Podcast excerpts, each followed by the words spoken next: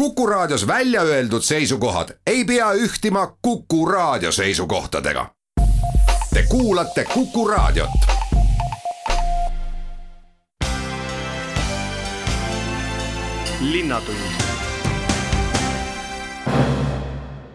tere, kena neljapäeva, head Kuku raadio kuulajad. algab saade Linnatund, nagu ikka neljapäeviti järgnevat tund aega räägime pealinnas toimuvatest olulistest teemadest. mina olen saatejuht Rein Pärn Tallinn avalikustas sellel nädalal kliimakava, mille eesmärk on pealinn saada kahe tuhande viiekümnendaks aastaks kliimaneutraalseks. tulevikku vaatava Tallinna säästva energiamajanduse ja kliimamuutustega kohanemise kava eesmärk on vähendada linnaelu ja majanduse mõju kliimale, tehes seda majandust ja linnakeskkonda rikastaval viisil. linn ootab nüüd kodanike tagasisidet kliimakavale ja seda seitsmenda aprillini. linnavalitsuse pressikonverentsil tutvustas kliimakava lähemalt linna strateegilise planeerimise planeerimise teenistuse direktor Raido Roop.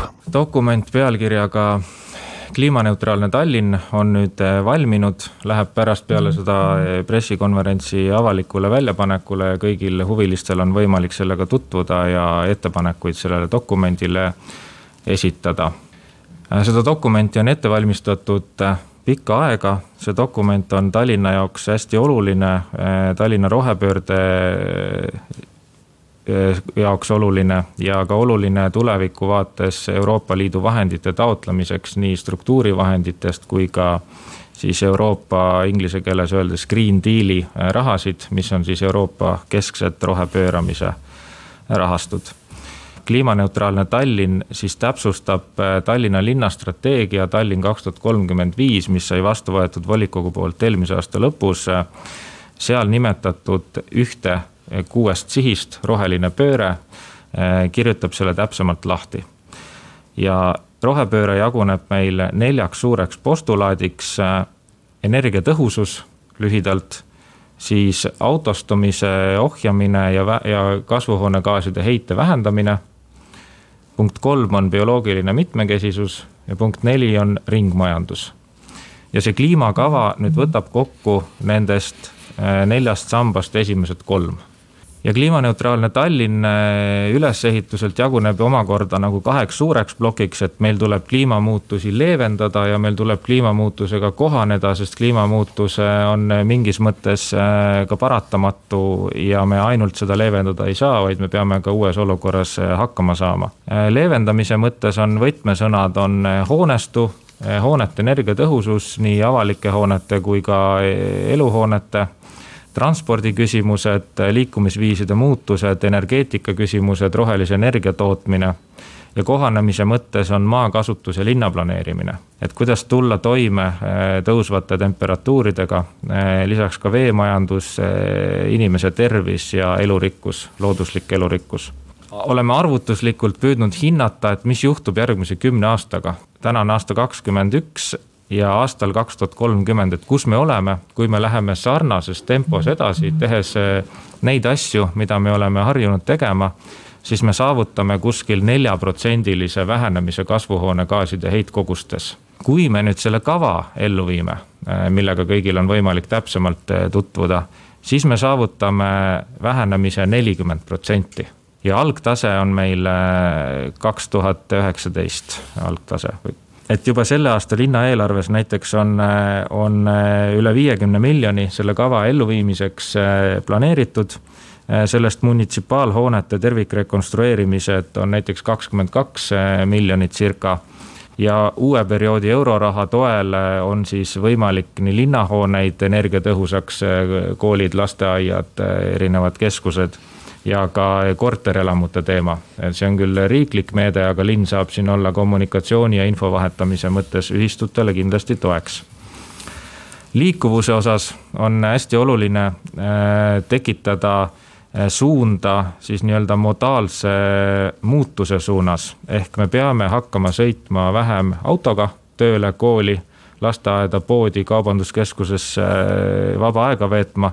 me peaksime hakkama rohkem sõitma ühistranspordiga, käima rohkem jala ja sõitma rohkem jalgrattaga ja kõikide nende asjade jaoks on ka eh, koostöös riigiga ette valmistatud eh, mitmed euroraha meetmed uuel perioodil näiteks saab Tallinn uue perioodi rahadest ehitada kahekümne kuue miljonilise toetusega Vanasadama trammi ja nüüd me planeerime veel, et mida me saame ehitada, milliseid trammilahendusi neljakümne miljoniga, mis on ka riigi poolt meile võimaldatud. Nendele summadele lisandub siis linna omaosalus veel, veel juurde ja rattateedeks on samamoodi riik eraldanud uuel perioodil nelikümmend kaks miljonit, mis on nüüd küll ei ole Tallinnale, on suures pildis Tallinnale, Tartule, Pärnule, aga kui me oleme tublid eh, ja ambitsioonikate plaanidega, siis me saame sealt võtta suure osa sellest rahast endale. Eh, energia tootmine, energia kasutus samamoodi, et ühistuline energia tootmine on märksõna, pildil on päikesepaneel ja siit võib nüüd sellest vihjest lugeda ka välja, et ühistulised eh, energia tootmised päikeseenergia teemal ja tuuleenergia teemal on tulevikus väga olulised.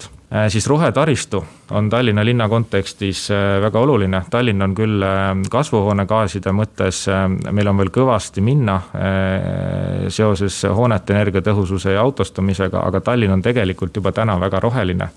rohealade osakaal on meil kaunis suur ja ka näiteks sellel aastal toimuvad olulised investeeringud, et Tondiraba parki kuus miljonit siis Putukaväila projekt, mis algab Põhja-Tallinnast. seal on meil eh, sellel aastal kakssada tuhat eurot investeerimisel ja teistesse parkidesse ka eh, neli koma seitse miljonit eurot erinevaid kaardilahendusi ja analüüsi on selle kliimakava tegemisel tehtud. et näiteks peame arvestama äärmuslike tormidega, mis meie rannaäärset piirkonda ohustavad. peame arvestama ka, et Eh, me ei ole küll troopilises vöötmes asuv riik, aga siiski suvedel eh, võib temperatuur minna kaunis kõrgeks ja kui isegi on kakskümmend viis, kolmkümmend kraadi õhutemperatuur, siis asfalt eh, läheb isegi ligi viiekümne kraadini ja see võib põhjustada teatud sihtgruppidest, näiteks nagu vanemad elanikud, kuumarabandusi. ja see kuumasaarte teema on ka kaardianalüüsi peal kaardistatud ja seda aitabki leevendada sisuliselt äh, rohetaristu, pargid, rohealad ja puistud sademevee ärajuhtimine samamoodi looduslikus mõttes, siin on üks äh, pilt äh, Lasnamäe sotsiaalmajade piirkonnast, et kus saaks näiteks lihtsalt üks selline visiona-, visiooni pakkuv pilt, et et on võimalik vähendada asfaltpinda ja tuua rohkem rohelust juurde, mis siis aitab sellist kuumusega paremini inimestel suveperioodil toime tulla.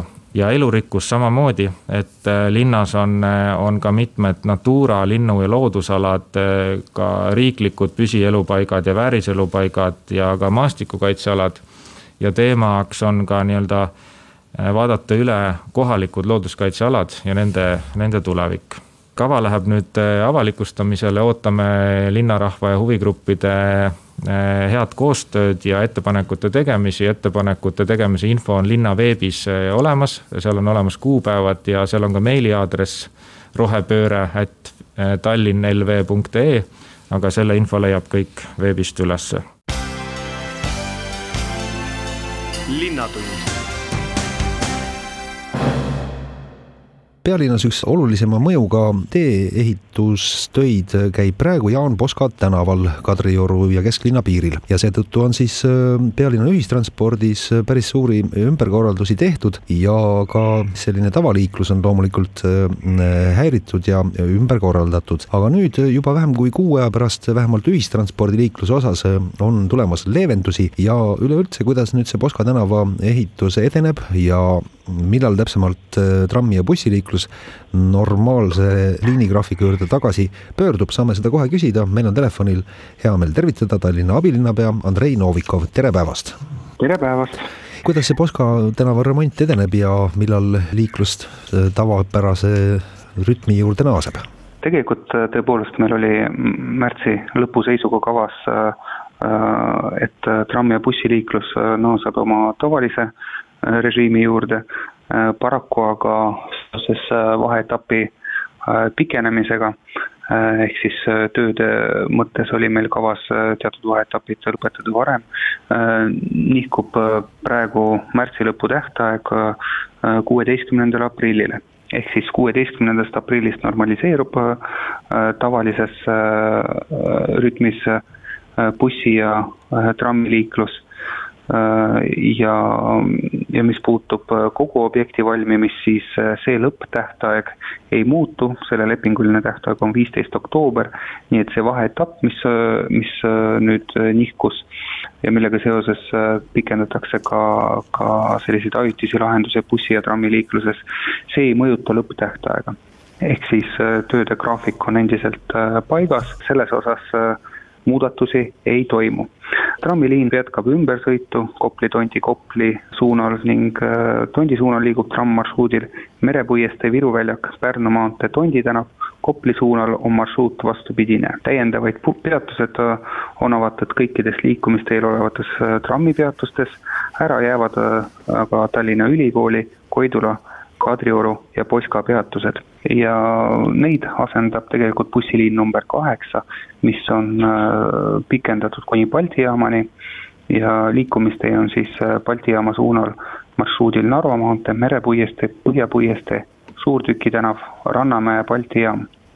Balti jaama suunal peatuvad bussid täiendavalt peatustes Hobujaama, mis on siis Narva maanteel, äh, Merepuiesteel, Linnahalli juures ja äh, lõpppeatuses Balti jaam äh, nii et äh, sellised need muudatused on, ehk siis tegelikult need puud-, need ajutised meetmed, mis on hetkel rakendatud, need lihtsalt kestavad mõnevõrra kauem. jah, ilmselt siis Poska tänava Narva maantee ristmikul, mis ongi üpris keeruline ristmik, et seal siis tulid mingisugused takistused ette või parem teha tööd korralikult, kui, kui niimoodi poolikult või, või kiirustades, et see on see põhjus. Tegelikult on praegu töövõtjal teatud keerukused just nimelt ajalises mõttes ja, ja seetõttu pöörduski ta meie poole palvega seda graafikut nihutada tegelikult äh, juba varasemalt äh, oli töövõtjal äh, palve, et me teeksime seda ühistranspordi sulgemist pikemalt, me leidsime sellise kompromissi, et katsume leida kõige optimistlikuma stsenaariumi, kus äh, ühistransport saabuks normaalsesse rütmi tagasi võimalikult ruttu, paraku nähtavasti see stsenaarium oli, oli liiga optimistlik ja seetõttu mõne nädala võrra me peamegi olukorra, olukorda pikendama. ega see trammiliikluse näiteks äh, niimoodi ümberkorraldus ka väga palju segadust ei ole tekitanud, lihtsalt äh, peab teadma, et number üks tramm ei vii enam Kadriorgu, vaid äh, toob hoopis Tondile ja vastupidi. ja, ja number kolm trammi ei tasu üldse oodata, nii et äh, muud, muud suurt midagi ja bussi, äh, trammipeatustes on ka vastavad äh, infotold väljas, nii et äh, kes juhuslikult tuleb, tuleb kohale ilma selle teadmiseta, siis peaks ka selle info koha peal kätte saama, noh kuigi peab möönma, et ma usun, et need inimesed, kes igapäevaselt kasutavad, näevad, et töö käib ja, ja paraku töö ajal tuleb arvestada ebamugavustega infrastruktuuri objektid on reeglina need, mida, mida ei saa kusagil nurga taga kokku monteerida ja, ja siis ühe ööga paika panna, vaid tuleb teha korralikult ja koha peal ja see toob paraku kaasa ebamugavusi.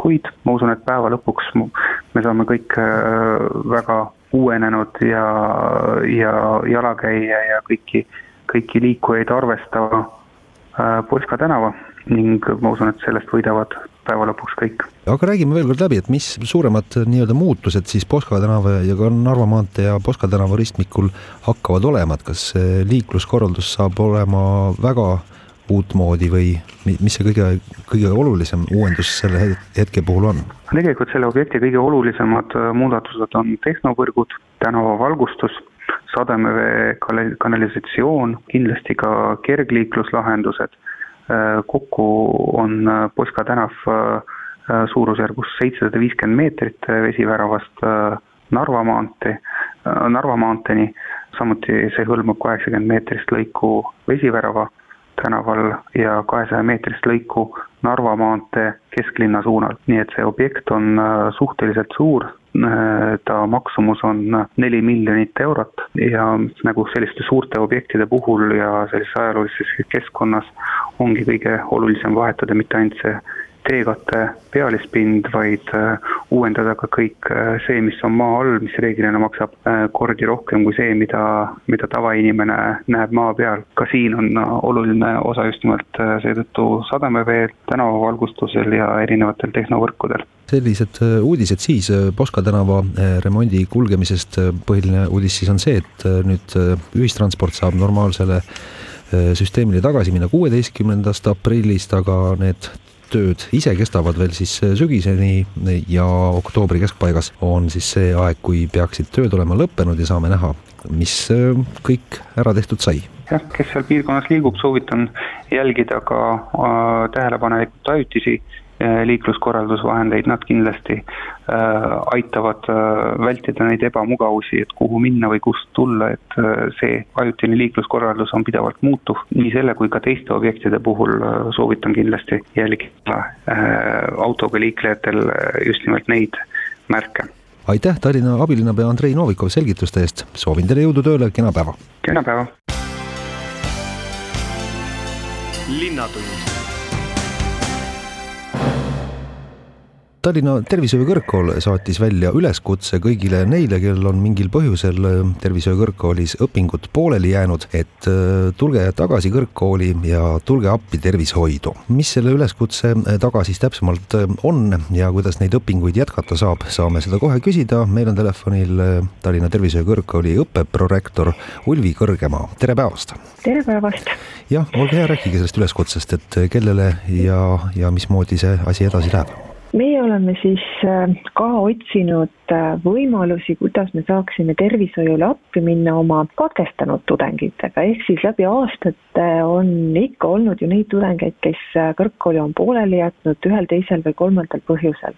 ja nüüd siis me oleme kutsunud neid kooli tagasi, eriti oodatud on vanemate kursuste tudengid, ehk siis need, kellel on juba Äh, kaks kursust lõpetatud, sellepärast et nemad saaksid minna siis äh, oma jätkuvate õpingute ajal ka haiglasse tööle äh, abiõdedena.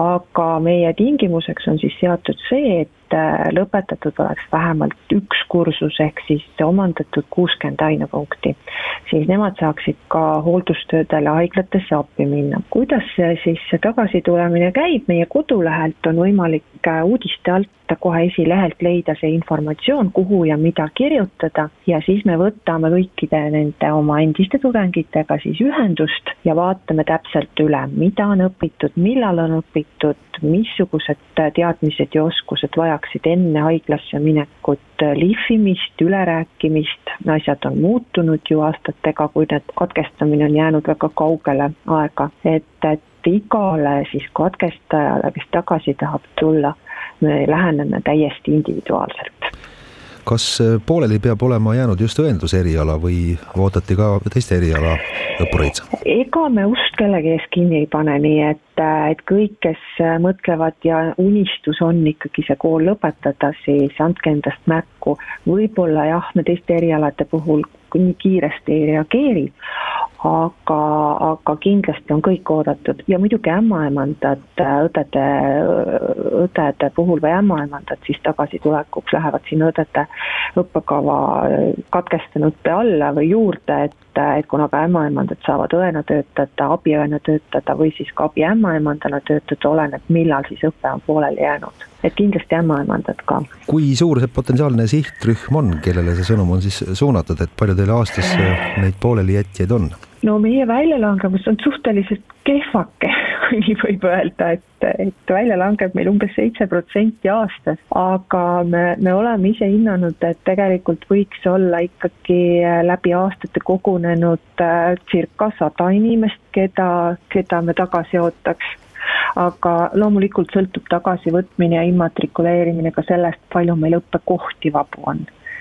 Et, et teisel kursusel on kindlasti neid vähem ja, ja vanematel kursustel rohkem, et ja kõik ei, ei, ei taha ju ka tagasi tulla, mõned on lõpetanud põhjusel, et nad ei taha seda eriala omandada just nende põhjuste juurde tulles, et kui palju nende põhjustega siis äh, nüüd edaspidi arvestatakse, et mispärast need õpingud pooleli jäid, et noh, kui on juba pere loodud ja võib-olla siin Tallinnast äh, väljaspool elatakse, tagasi tulles õppevorm saab olema kuidagi paindlikum? no meie õpe on, on üleüldse nii paindlik, et et see väljaspool Tallinnat elamine väga ei mõjuta, eriti praegu, et hetkel on meil küll välja arvatud nüüd praktiline õpe, on kõik ju veebipõhine ja, ja seda juba terve, terve aasta, nii et et vaatame igat juhtu äh, eraldi. meil on ju ka õpperühmad Kuressaares, Kohtla-Järvel, Pärnus, me saame selle katkestanuga täpselt kõik kokku leppida ja, ja vaadata, kuidas see tagasitulemine võimalik on no selle teise eesmärgiga, et tervishoidu on vaja abikäsi, kuidas sellega nüüd olema saab, et see praktika tuleb vist üsna kiiresti kohe, kohe ja. ette võtta, jah? jah, see tuleb kohe ette võtta, aga meil on väga-väga tihedad äh, kontaktid äh, kõikide äh, Tallinna haiglatega ja ka siin Põhja-Eesti haiglatega ja ka perearstikeskustega, et selles osas me kindlasti tagasitulejaid toetame, aitame. räägime läbi haiglatega, et, et selles, selles küsimuses abikäsi on haiglatesse väga vaja ja meil on nendega väga, väga tihedad kontaktid, nii et et küll me selle, selle asjaga saame omavahel kokku leppida. Kui palju teil äh, selles mõttes vabu kohti on praegusel hetkel, et kui kiire äh, selle üleskutsele vastamisega on, et äh, kas, kas on teil mingi piiratud kohtade arv siin ikkagi, et kõik ei mahu ja kes kiiremini reageerivad, saavad ikka sisse? No need, kes kiiremini reageerivad, nendel on kindlasti eelis, aga, aga selles mõttes on keeruline öelda, kui palju neid kohti täpselt on, et, et kuna meil õed õpivad kahes tsüklis, ehk siis neid on, nad alustavad kaks korda aastas, nii talvel kui suvel, siis, siis see sõltub, millises, millises, kus kohas ta oma õpingutega on ja kas meil sellesse tema sisenemise kohta just parasjagu õppekohta on või mitte. aga ma arvan, et siin paarikümne tudengi võt-, vastuvõtmisega ei teki meil küll probleeme. kui suur roll sellel praktikal õigupoolest siis saab olema lõpuks selle õppekava täitmise puhul siis, et kui mitu protsenti punktidest tänu sellele praktikale kätte saab ja palju seda teooriat veel tuleb siis äh, juurde õppida, et siis äh, ma saan aru, lõpp, lõpuks saab ikkagi kõrgkooli diplomi kätte? jaa, kui kõik asjad ära teha, siis saab alati diplomi kätte. praktikat õe õppekaval on üheksakümmend ainepunkti, mis siis tähendab poolteist õppeaastat. ehk siis kogu õppeaja vältel tudeng on praktikal poolteist aastat ja kolm pool aastat nad õpivad, seega kaks aastat on nad teooriaõppes et äh, nüüd siis sõltub täiesti sellest, missugusel ajahetkel see kool pooleli jäänud on.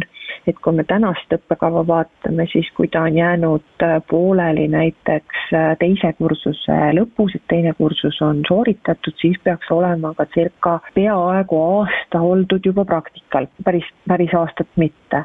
et, et seega jääks siis veel pool aastat praktikat, et kuna õppekavad on ka läbi aastate muutunud et siis me tõesti peame igat äh, kandidaati eraldi vaatama, kui palju on temal õpitud, tehtud praktikat, mis praktika tal tehtud on ja kui palju on ta läbinud teooriaõpet ja mis see teooriaõppe sisu on olnud, mida ta on õppinud.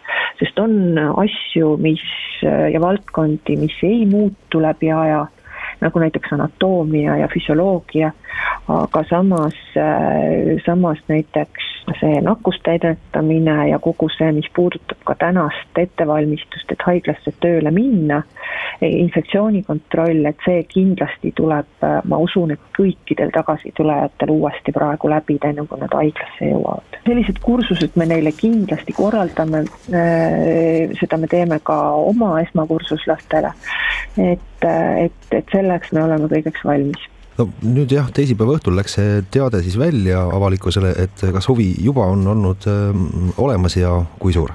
tegelikult me oma veebilehel ja oma Facebooki lehel seda jagasime juba äh, reedel ja esimesed viis äh, inimest olid äh, juba kandideerinud või siis oma soovist teada andnud, nii et nendega me juba suhtleme. mis ajani on aega seda avaldust esitada siis teie kodulehel?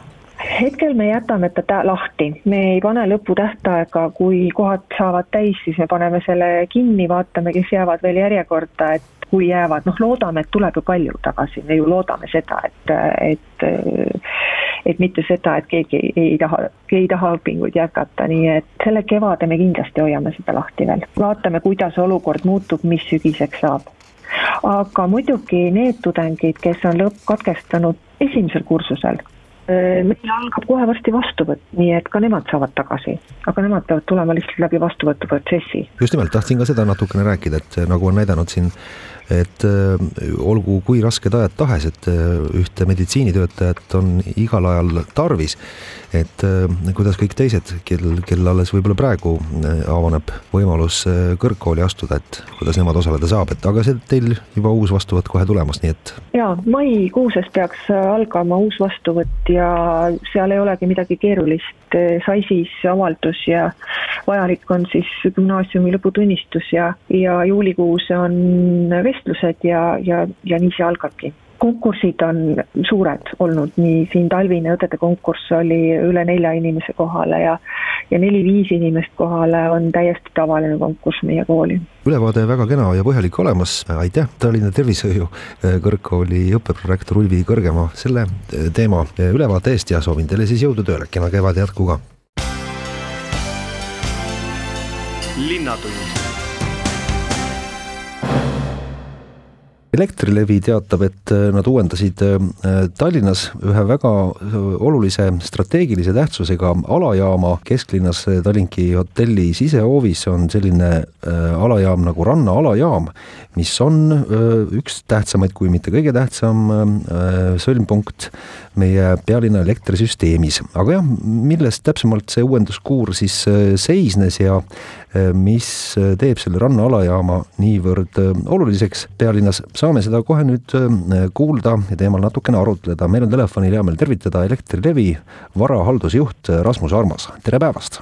tervist! ja rääkige, mis uuenduskuuri nüüd see Ranna alajaam äh, läbis? Ranna alajaam läbis põhimõtteliselt tervikliku uuenduskuuri ehk et äh, Ranna alajaama hoone kui selline suuremalt jaolt jäi alles, kuigi ka hoone välisosa siis sai korrastatud kõik ja sisemiselt ka aga kõik seal hoone sees olev elektrisüsteem sai välja vahetatud, ehk siis alates äh, saja kümnest kilovoldist äh, ja suurtest jõutrahvadest kuni siis selle keskpinge jaotusseadmeteni, mis seal alajaama hoones on, kõik nad uuendatud sai ja välja vahetatud sai koos, äh, koos selle rekonstrueerimisprojekti raames ja, ja kokku kolme aastaga siis võib öelda, et täiesti uue alajaama ehitasime.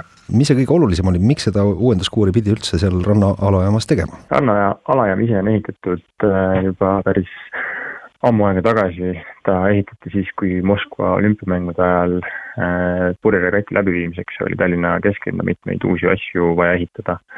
ja, ja esimesed siis äh, seadmed rannalaeva ka seitsmekümne üheksandal aastal juba paigaldati Äh, ja sellest ajast tegelikult on ta siis katkematult töötanud. ja kuna need seadmed on seal juba, juba oma elukaare ära, ära elanud, äh, oli nad vaja välja vahetada. ehk see oli ka põhiline põhjus, miks me selle, miks me selle rannaalaema rekonstrueerimise ette võtsime. jah, seal rannaalajamal on otseselt äh, üle kuue tuhande kuuesaja kliendi mis ei ole küll väga suur number, aga, aga sellegipoolest tegemist on Äh, väga oluliste asutustega, mis äh, tänu sellele ranna alajaamale elektrit saavad. et see vist teeb selle alajaama väga oluliseks või milles see strateegiline tähtsus äh, laiemalt seisneb? Eesti teadusvõrgu kontekstis, kui vaadata üldse meie suuremaid alajaamu, siis rannalajaam on seal top viies kindlasti ja, ja Tallinna linnas võib-olla kaks alajaama on, mis on veel suurema tarbimise või klientide arvuga kui rannalajaam ise, aga selle poolest rannalajaama toitel on praktiliselt kogu siis niisugune äh, suurem kesklinna osa, mis alates lauluväljakust ulatub kuni Kalevi staadioni, teiselt poolt äh, vanalinna ja, ja kogu sadamaala on rannalaema toitel ja kõik, mis sinna vahele siis jääb. et see kuus tuhat klienti, mis tema toitel on, on umbes üks protsent meie kogu klientide arvust ja, ja energiana läheb sealt läbi umbes kaks protsenti kogu elektrivõrgust läbi minevast energiast, mis on sama palju, kui näiteks kogu Saaremaa maakond või Saare maakond tarbib. ehk et on hästi suure, suure niisuguse, on hästi suure osakaaluga või hästi suure tarbimisega alajaam meie võrgus kas nüüd tarbijate jaoks ka midagi selles mõttes muutub, et kuidagi see varustuskindlus on nüüd parem või, või milles see võib avaldada kõige otsesemalt? Kindlasti avaldab tarbijate jaoks sellena, et, et nende uute seadmete töökindlus on taaskord parem ja, ja nad on, suudavad järgmised nelikümmend aastat seal vähemalt klientide jaoks elektrivarustuskindlust tagada. ühtlasi annab see rannalaema rekonstrueerimine meile, meile võimalus teha järgmised sammud, ehk et elektrivõrgus kõik asjad on omavahel ühendatud ja läbi selle, et me nüüd rannalaema uuendasime, me lõime ka võimaluse hakata sedasama toitepiirkonda, mis, mis selle alajaama taga asub, viima üle kõrgemale pingetasemele, mis jällegi võimaldab ühelt poolt paremat äh, töökindlust äh, ja teiselt poolt võimaldab ka jätkuvat tarbimise kasvu selles piirkonnas äh, ja, ja tagab ka võimekuse selleks tuleviku jaoks. kui palju seal kliente saab siis juurde, juurde panna võrreldes praeguse olukorraga? järgmised sammud, kui me hakkame need pingeastmed üle viima, kindlasti võimaldavad seal olulisel määral seda jällegi suurendada, eks ühel hetkel äh, on küsimus, kui palju sinna kesklinna piirkonda lihtsalt kliente juurde mahub äh, see oli päris võimas operatsioon vist, nende uute trahvode sinna paigaldamine, et äh, need kaaluvad ju mõlemad vist kuuskümmend neli tonni, eks ole, et mismoodi need füüsiliselt toimetasite need trahvad sinna alajaama kohale? Nende sinna saamine oli tõesti keerukas.